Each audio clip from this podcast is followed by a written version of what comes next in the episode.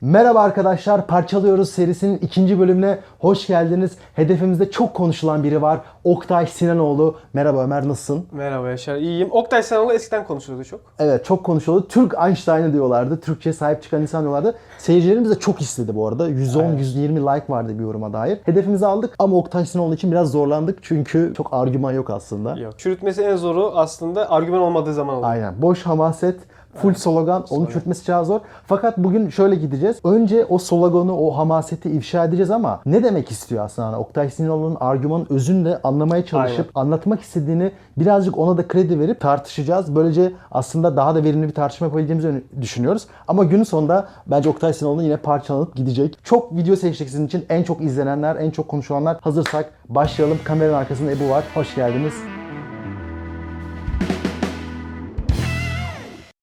İlk sekansımız geçenlerde Twitter'da viral olmuştu. Onu izleyerek başlıyoruz. Evet Ömer. istilasında Fransa'dan gelen Normanların İngiltere'ye medeniyet getiren Normanların ve oraya hakim olan, oraya geldikleri zaman Manş Denizi'ni geçip beraber gelen bir keşişin hatıratını okudum o istilada. Norman keşişi İngiltere kıyısına vardıkları zaman oradaki yerli İngilizlerin o günkü durumunu anlatıyor. Ağaçlarda yaşıyorlar. Dört tane kazık çıkıyorlar, üstüne bir ot koyuyorlar. O ağaçlarda yaşıyorlar ve diyor ki adam kendi nehirlerinin bir kenarından bir kenarına geçecek kadar bile kayıkçılık bile bilmiyorlar diyor. Tam yabani bir hali. İngiliz budur.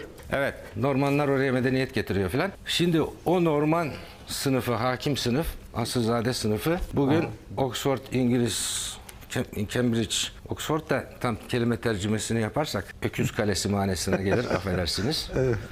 Abartma. Yani gözünüzde fazla büyütmeyin. Ayrıca işte Avrupa'nın en eski evren kentlerinden olan Oxford evren kenti de Karatay Medresesi'nden kopya çekilmiştir. Onu da bilesiniz. Doktora sistemi olduğu gibi. Evet. Evet, şimdi Yaşar sen Karatay Medresesi'ni duymuş muydun? Yok duymadım. Sence Karatay Medresesi, ben baktım, araştırdım. Karatay Medresesi hakkında çok az bilgi var. Öyle mi? 1251'de kurulmuş. Güzel. Oxford 1096 diye diyorlar ama 1096'da eğitim başlamış. Aynen. Ama öyle bir eğitim var ki 1200'de bir grup kopup Cambridge'i kurmuş. Aynen. Düşün. Evet. Sence Karatay Medresesi'nden sistem çalmışlar mıdır?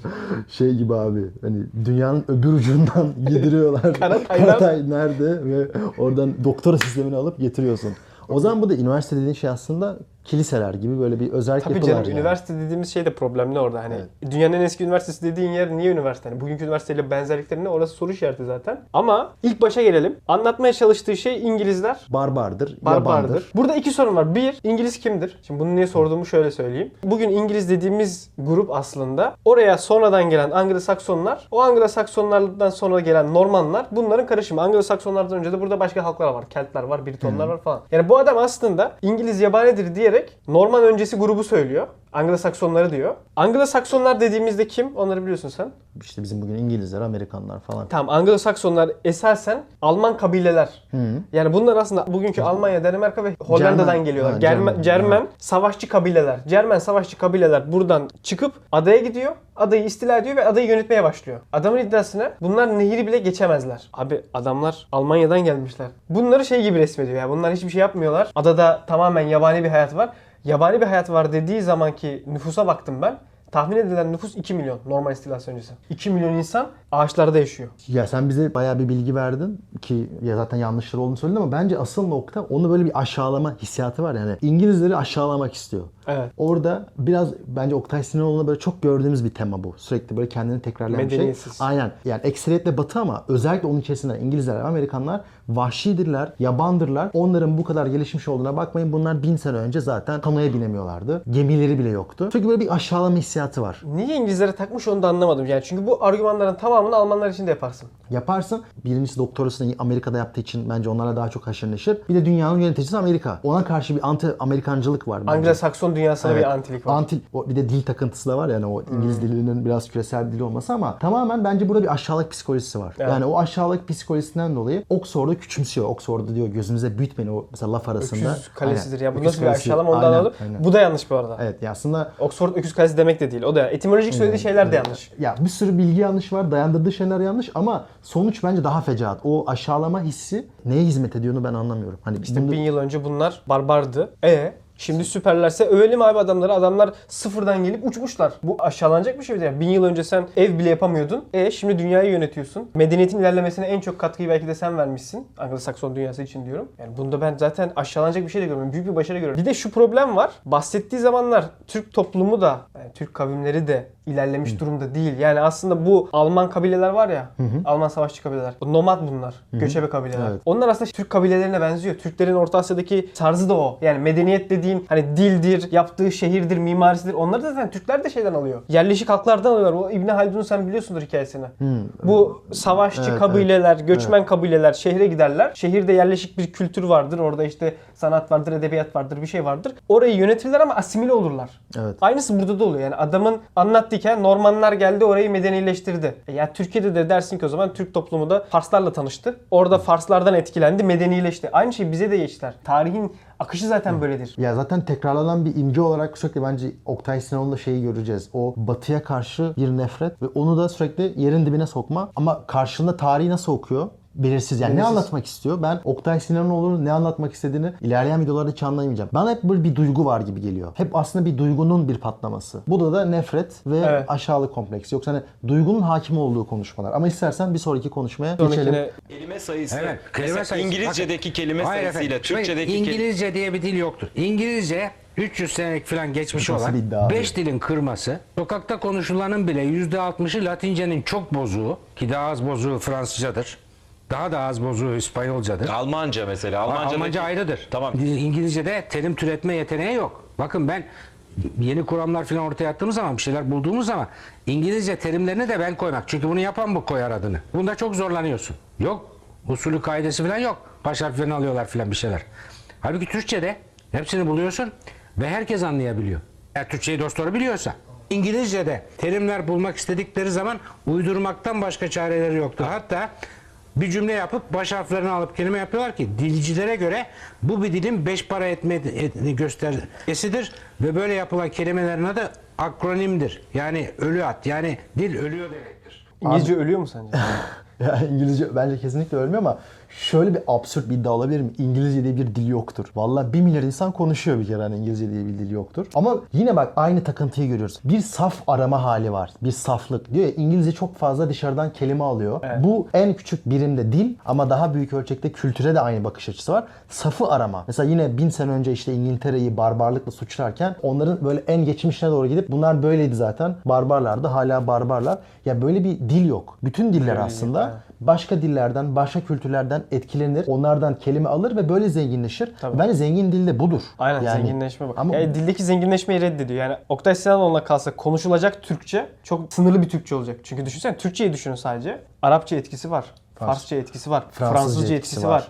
İngilizce çok azdır. Türkçe'ye dışarıdan gelen kelime sayısı inanılmaz fazla. Ama o da aynı mantık. Göçebe toplum karşılaştığı her yerle etkileşime geçiyor. Geçtikçe de o kavramları onlardan alıyor. Kelimeleri onlardan alıyor. Şöyle de olabilir. Kelimeler niye var? Dünyayı anlamlandırmak için. Ve diyelim ki dünyanın başka bir yerine bir kelime o duyguyu anlamlandırmak için ortaya çıkıyor. Televizyon kelimesi. Aa, bak İngilizceden geldi. Ya bir te- bir teknik bir anlamı var. Bir, bir ale- aletin ürünü. O sana doğru gelince onun adını sen oradan alıyorsun. Ama o dışarıdan geldi. Şimdi biz bunu red mi edelim? Yoğurdu da veriyoruz mesela. İyi şeyler de var. Yoğurdu herkes bizden almış. Ya aslında Oktay Sinan'la gördüğüm şey şu. Bir etkileşime bir karşı olma. Karşılık, aynen. bir yabancı ya görünce ona karşı hemen bir reaksiyonel bir tutum alma. Hayır neden? Neden reaksiyonel bir tutum alıyoruz? Kaldı ki onun önerdiği Türkçe niye o an arı Türkçe oluyor? O anda da baktığınızda 1900'deki Türkçe aslında 1800'e kıyasla yine etkilenmiş bir Türkçe değil mi? Sonsuz Evet. regresyon yapman lazım yine Aynen. araya gitmek Evet. için. Yani gelenek dediğimiz şeyi donduruyorlar Aynen. ve yaratıyorlar onu. Ve sanki değişmez bir gelenek yapıyorlar. Hayır geleneğin kendisi de aslında dönüşen bir şey. Mesela şimdi bizim şu an kullandığımız Türkçe'de belli kelimeler var. Ne bileyim okuma yapmak. Geçenlerde böyle bir tartışma olmuş Twitter'da. Biri dedi ki okuma yapmak ne ya kardeşim siz ne demek istiyorsunuz? Halbuki biz okuma yapmak deyince bir şey anlaşılıyor yani. Kitap okumanın dışında bir anlamı var. Ve bu bir anlam kazanmış. Aynen öyle. Niye buna karşı çıkıyorsunuz? Dil canlı bir organizma. Evet. Gelişiyor, dönüşüyor. Aynen bu canlılığa karşı olma hali var. Yani biz 1900'deki dili konuşacağız gibi bir şey saçmalık. Ve 1900'deki dili konuşmaya çalışmak da saçmalık. Aynısını bugün biz derste konuştuk. Hocamız da aynı şey demiş. Yani bugün birisi Molière gibi bir Fransızca konuşmaya çalışsa veya yazmaya çalışsa güleriz.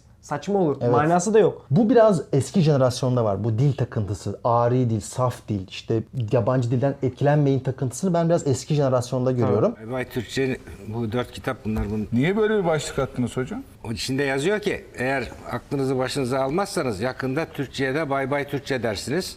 Sonra bir yerde de dedik ki ka- kaç sene evvel Türkçe giderse Türkiye gider. Yani bay bay Türkçe derseniz sonra yakında Türk bay bay Türkiye dersiniz. Yani bu yabancı dille eğitimle bilinçli bilincini kaybeden, kimliğini kaybeden, feleğini şaşıran, ne olduğunu bilmeyen, atasına küfür eder hale gelen, kendi kültüründen haberdar, haberdar olmayan ve haberdar olmadığı kendi kültürüne küfreden nesiller ve bu insanların sayısı arttıkça bu ülkede kendi vatan topraklarını yabancıya, kendi tapularını kendi eliyle veren şer- şerefsizlerin sayısı bol bol artacaktır dedim.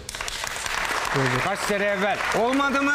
Ben Oldu. coşmuyorum, ben coşmuyorum. gitti. Şerefsizler. Tapular her tarafta verilmiştir. Bağlantılar çok kötü. Globalleşme etkisiyle yabancıların gelip ev almasını falan filan buralara bağlıyor. Böyle bakarsan dünyadaki her millet satılmış ve şerefsizdir. Bugün Fransa'da Rusların mülkü çok, Katarlıların, Arapların mülkü çok. Aynı şekilde İngiltere öyle Chelsea'yi kapatmış Türklerle Ruslar.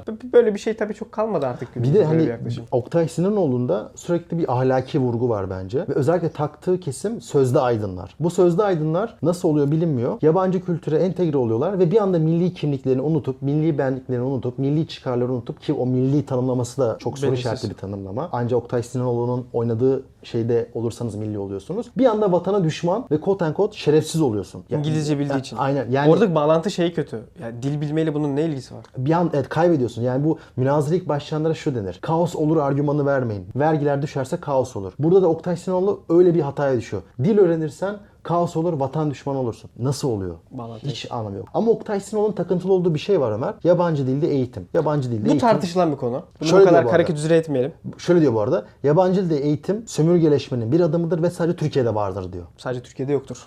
Yani- Zaten Ama yoktur da. çıkışı bu yani.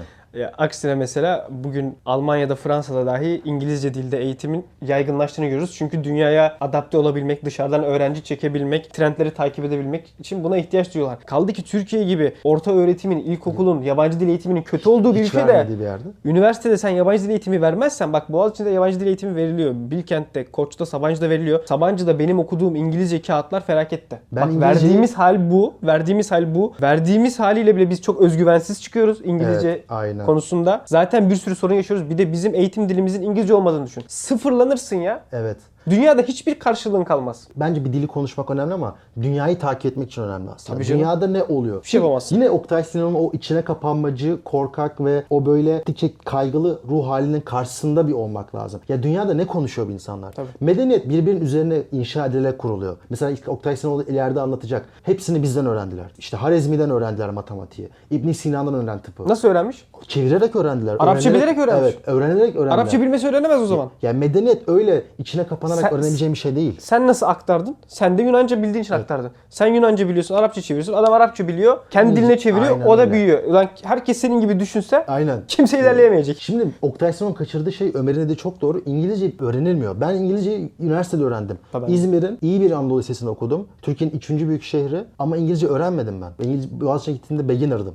Devlet okullarında okudun. Devlet okullarında okudum. Bir de İngilizce bir de sınıfsal bir şey de. Tabii ki. Şimdi bak sen bunu de yasakla devlet okullarında yabancı dil eğitimini. İngilizce kimse öğrenmeyecek mi? Öğrenecek. Zengin çocuklar öğrenecek. Evet. Onlar ön plana çıkacak. İngilizce bilmeyen birinin şu an dünyada rekabetçi olabilmesi mümkünatı Evet, yok. evet. Türkiye'de de iş bulamaz. Doğru düzgün. Otomatikman sınıfın düşüyor. Bunu diyen adam kendi çocuğuna sadece Türkçe öğretir mi? Kendi çocuğuna sen İngilizce öğrenme der mi? Demez. Bu bizim şeye benziyor ya. Bizim işte bu geçen de söylemiştim ya. Bizim albaylar Amerika'yı sevmezler. Çocukları Amerika'da okur. Kimse çocuğun içine yollamaz. Bizim bu Avrasyacı generaller. Aynı şey burada da. Sana diyor ki fakir Mehmet'in çocuğu İngilizce öğrenmesin. Kafası karışır. Yozlaşır. Senin çocuğun. Hadi onun çocuğuna da bakalım. Bak çok komiktir. Oktay Senoğlu ben şaşırdım ilk başta. Mit sandım. Oktay Senoğlu'nun çocuğu Türkçe bilmiyor. Gerçekten bilmiyor. Cenazesinde İngilizce konuşmuş adam. Bak o kadar ironik, biraz acı, trajikomik bir durum ki. Şok oldum, inanmadım. Videoyu buldum abi adam Türkçe bilmiyor ya. Ya senin çocuğun Türkçe bilmiyor abi. Sen ne anlatıyorsun? Bu arada bence olay dil bilmekten öte. Boğaziçi, Koç, ODTÜ dışında siyaset bilimi okuyan insanlarla tanıştım. Ve onların siyasetle konuşurken bana şu soruları sorduğunu fark ettim. Abi dünyada kaç ülke var? AB ne zaman kuruldu? Böyle sorular soruyor. Ezberci bir eğitim var. Aslında mesele dilin eğitiminin kendisinden ziyade o dil eğitimindeki zihniyet. Türkçe eğitim veren sosyal bilimler çok ezberci. Ya kanun ezberliyorsun ya ülke ezberliyorsun. En iyi ihtimalle bir felsefecinin argümanlarını ezberliyorsun. O kavramı alıp kendi dünyada adapte etmek yok. Aynen Mesela biz mesela. biz Boğaz içinde öyle şu ülkenin başkenti nedir, şu ülke ne zaman kurulmuştur diye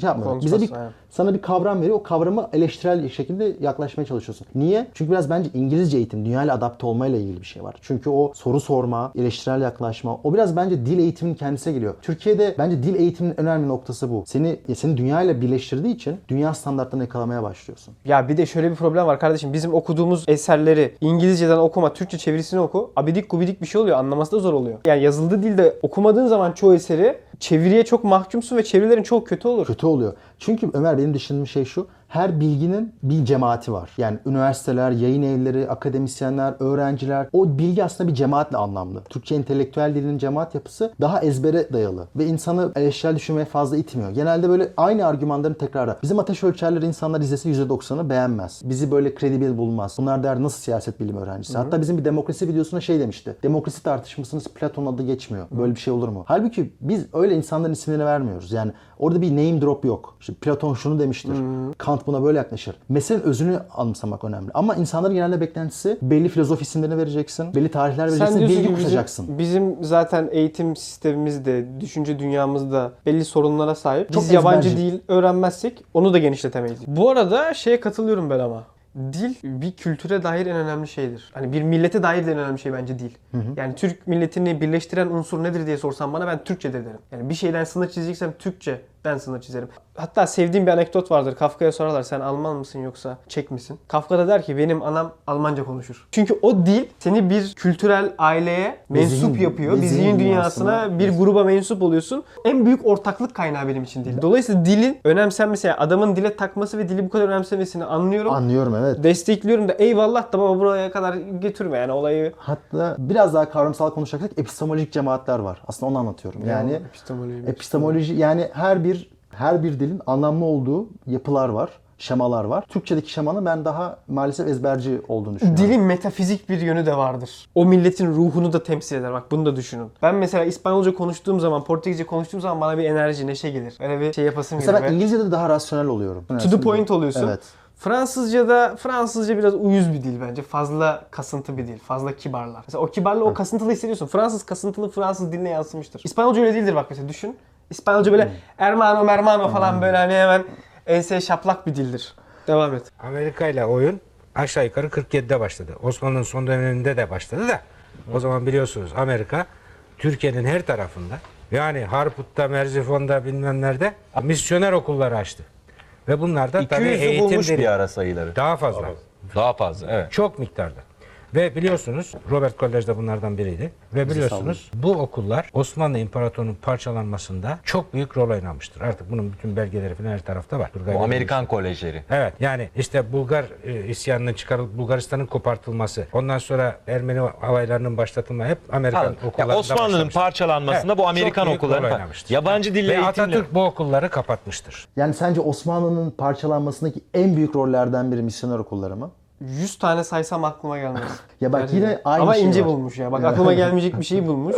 Bunu nasıl yanlışlayacaksın? Yani çok büyük pay sahibi olmuşsun. Nasıl olmuştur? Neyle olmuştur? Bin tane sebep var. Bak- Tarsus Amerikan Koleji mi sebep oldu yani?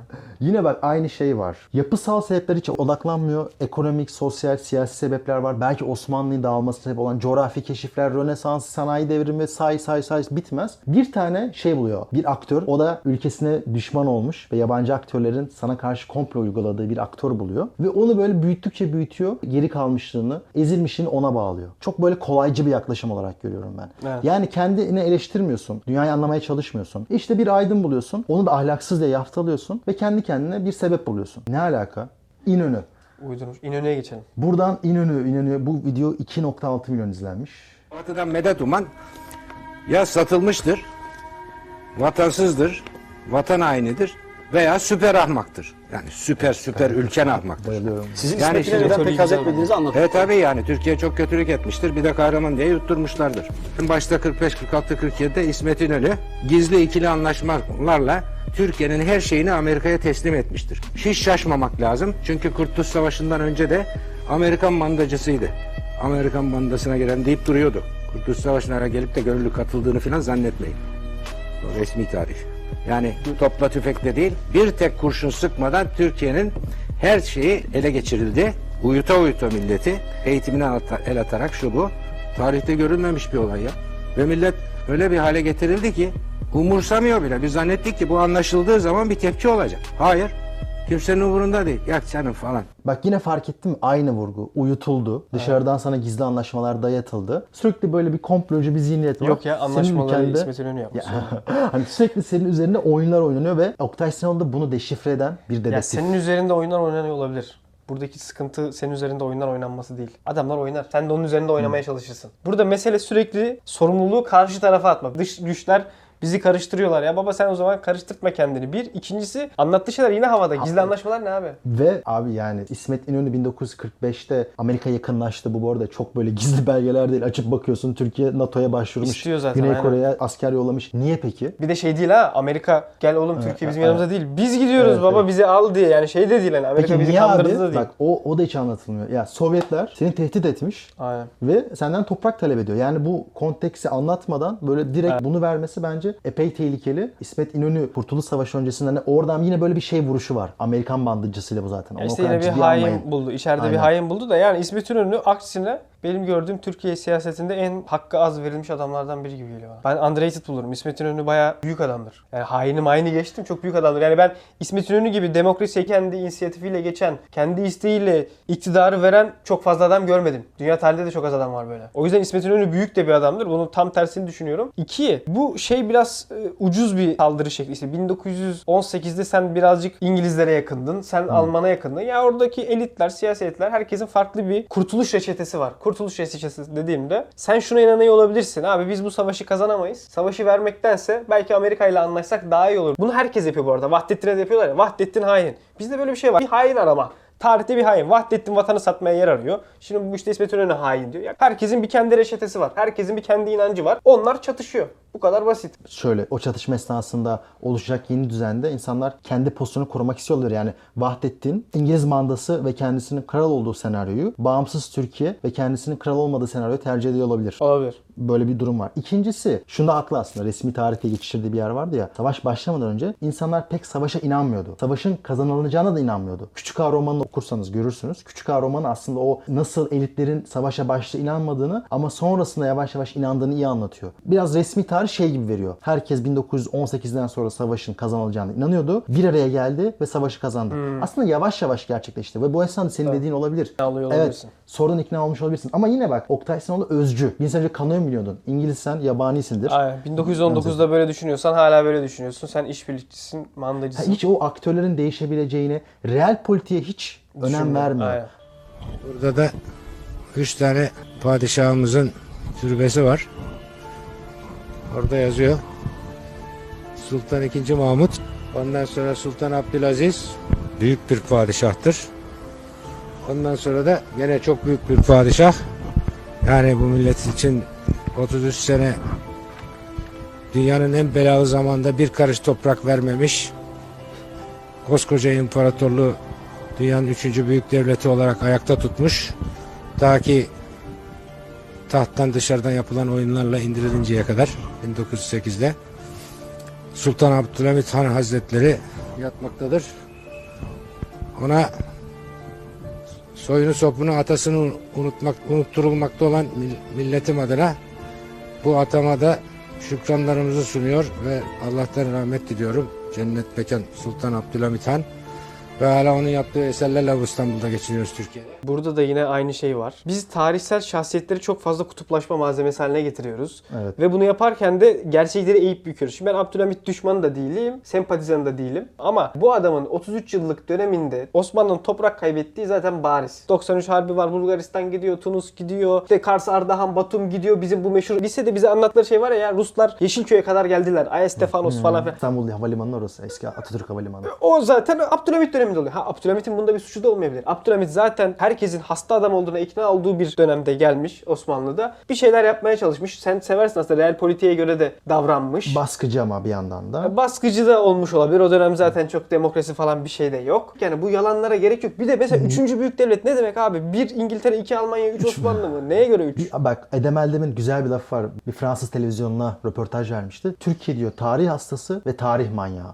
Dedi ya bizde tarihsel şahsiyetler hep kutuplaşma için kullanılıyor. Bizde hangi siyasal pozisyonla işaret ettiğini işte Abdülhamit mi seviyorsun, Atatürk'ü mü seviyorsun? Menderes'i mi seviyorsun, İnönü'yü mü seviyorsun? Ya orada da bir Tarih şöyle garip, gariplikler var. Ben şunu da anlamamış. Yani Menderes sanki Kemalizmin çok dışında, CHP'nin çok dışında bir figür gibi sahipleniliyor. Abi Menderes dediğin adam Kemalist elitin bir devamı aslında. Aydın Teşkilatı'ndan geliyor. Batılılaşmanın tam karşısındaymış gibi Abdülhamit lanse ediliyor. Aslında Abdülhamit de modernist birçok şeyi değiştirmeye çalışmış, eğitim reformu yapmaya çalışmış. Bahsettiği misyoner okullar en çok Abdülhamit zamanında açılmış. Hatta İlber Ortaylı şey diyor. Abdülhamit Latin alfabesine geçmeyi düşünüyordu diyor. O bile konuşuluyordu diyor. İşte bize tarih aslında kendi siyasal pozisyonu hep meşrulaştırmak için var. O yüzden aslında tarih manyağı diyor ve bir yandan da tarih hastası diyor. Hasta çünkü bilmiyoruz. Aslında anlattığın altyapılar, işte o şahsiyetlerin ne anlatmak istediği bilinmiyor. Sadece o anki kendi siyasal pozisyonu ve diskurunu meşrulaştırmak için, Aynen. bir şeyler sinyallemek için yaptığın şeyler. O tarihsel figürler bir tarihsel figür olarak kalmıyor da günümüz siyasetinin bir sinyalleme aracı oluyor. Ama bence daha ilginci şu Ömer. Bu videolarda hep şunu görüyorum. Arkada bir müzik koyunca, biraz da yakın plan çekim alınca bir anda peygambervari bir gerçekliği açıklıyorsun. Bir anda böyle söylediğin şey 10 kat doğru oluyor. E sen de yap bize o zaman. Ya ben Madem bu kadar kolay sen de yap bize biz de aynısını yapalım. İstersek yaparız büyük, ama büyük bir başarı işte ne güzel yapıyorlarmış. ama bak burada YouTube'daki ve Instagram'daki o mantığı görmek lazım. Böyle milyonlarca video var. Şu anda Müzik. Türk milleti Sen kıskanıyorsun senin böyle videoları. 1923'ten beri ne olan bir millet değildir. O kadar izlenmez. Bin yıllık İzler tarihi olan bir millet de Sahte değildir. peygamberlik yapmayalım. On binlerce yıllık tarihi olan dünyanın en uzun, en şerefli, bütün insanlığa en büyük hizmetleri vermiş insanlığa bu batıya, bu batası batıya, güneşin bile battığı yerde batıya, medeniyeti defalarca? Asya'nın işlerinden bir at başı gibi uzanarak kim demişti? Nazım Hikmet.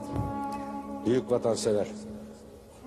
Dediği gibi defalarca oraya Akademisi uzanarak binlerce yıldır bu yamyam barbar batıya medeniyeti, her türlü insanlık anlayışını, bilimi, tıbbı, kimyayı, cebiri defalarca gidip bunlara medeniyeti öğreten bu milletin torunlarıyız arkadaşlar. Absürt bir anlatıya çok yakın. Yani biz medeniyette bizi getirdik, şunu da biz yaptık, bunu da biz yaptık. Bana sorsan objektif bir şekilde baktığım zaman Türk tarihinin özelliği savaşçı olmasıdır ve savaşta başarılıdır yani. Hani tarihsel olarak önemli bir rolü de vardır. Kabul ediyorum.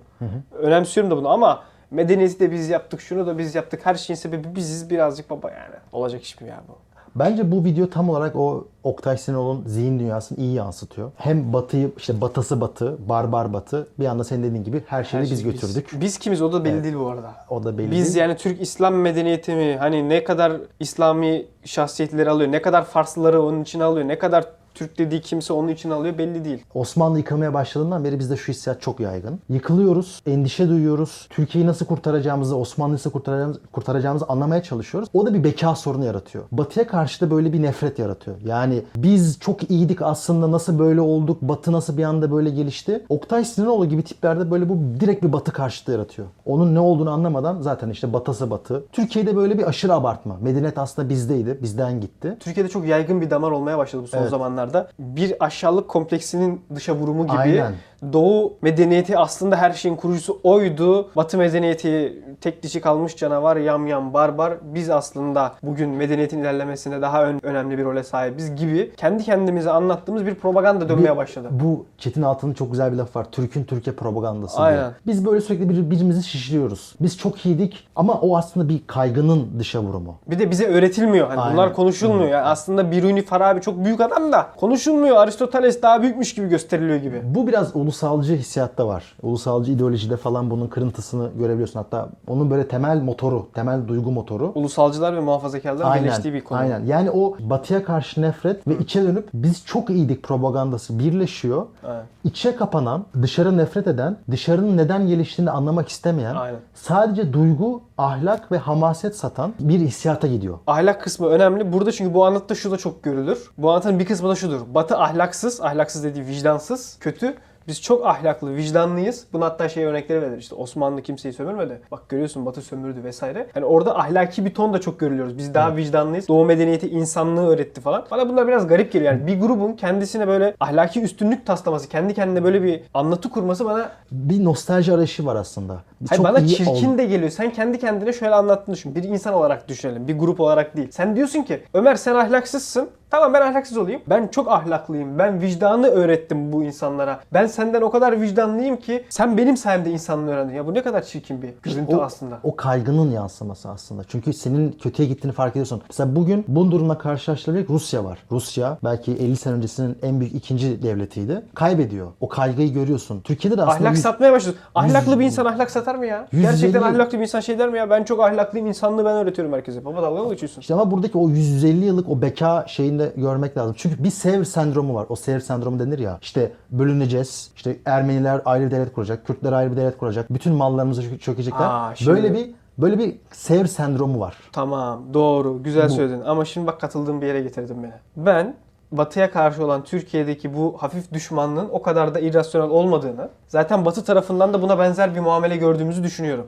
Batı ile sürekli tarih boyunca çatışmışız. Tamam mı? Biz ve diğerleri var ya, biz ve onlar. Batı için biz onlarız. Biz tanımı yapılırken o dışarıdakiler onlar hep Türkiye olmuş. Osmanlı olmuş. Osmanlı'nın da temsilcisi olarak. Dolayısıyla o kadar yanlış değil. O kimlik kurulurken diğerlerinin karşıtlığı üzerinden kuruluyor ya. Bizim kimliğimiz de öyle kuruluyor. Yani kimlik kurmak birazcık da kendini ayrıştırmak, diğerlerini bir düşmanlaştırmakla oluyor. Katılmadığım yer. Batı da kendi arasında kavga eden bir yapı zaten. Batı da yeri geldiğinde Rusya Amerika ile savaşıyor, İngiltere Tabii Fransa ile öyle savaşıyor. zaten. Bu kimlik oluşumunda öteki tanım önemlidir. Biz hep öteki olmuşuz. Onlar da bizim için öteki olmuş. Katılıyorum ama Bu bir katılmadığım tansiyon yaratır. bu tansiyon yaratıyor ama demek istediğim o tansiyon Avrupa'nın içerisinde de var. Ama zaten Avrupa'ya veya Batı'ya baktığımızda o Oktay Sinanoğlu'nun rahatsız olduğu kavramları analiz eden insanlar var. Oktay Sinanoğlu neyden rahatsız oluyor aslında? Küreselleşme. Amerikan hegemonyasının gittikçe genişlemesi. Çünkü o 1990'lardan ve 2000'lerin başına popüler oluyor ya. Tam Sovyetler yıkılmış. Amerika hegemonyasını kuruyor. Irak'ı işgal ediyor. Rusya zaten çökmüş durumda. Bir kere Amerikan hegemonyasının arttığı bir dönem. Küreselleşme almış başına gidiyor. Hatta bunun için kavram var. McDonald'slaşma. Her kültürün birbirine benzemesi. Tabii ona da kızıyor. Aynen hamburger yiyen, top oynayanlar falan diye Evet. kızıyor. Bu modernizmin, kapitalizmin ve kültür emperyalizminin bir basıncı ve bir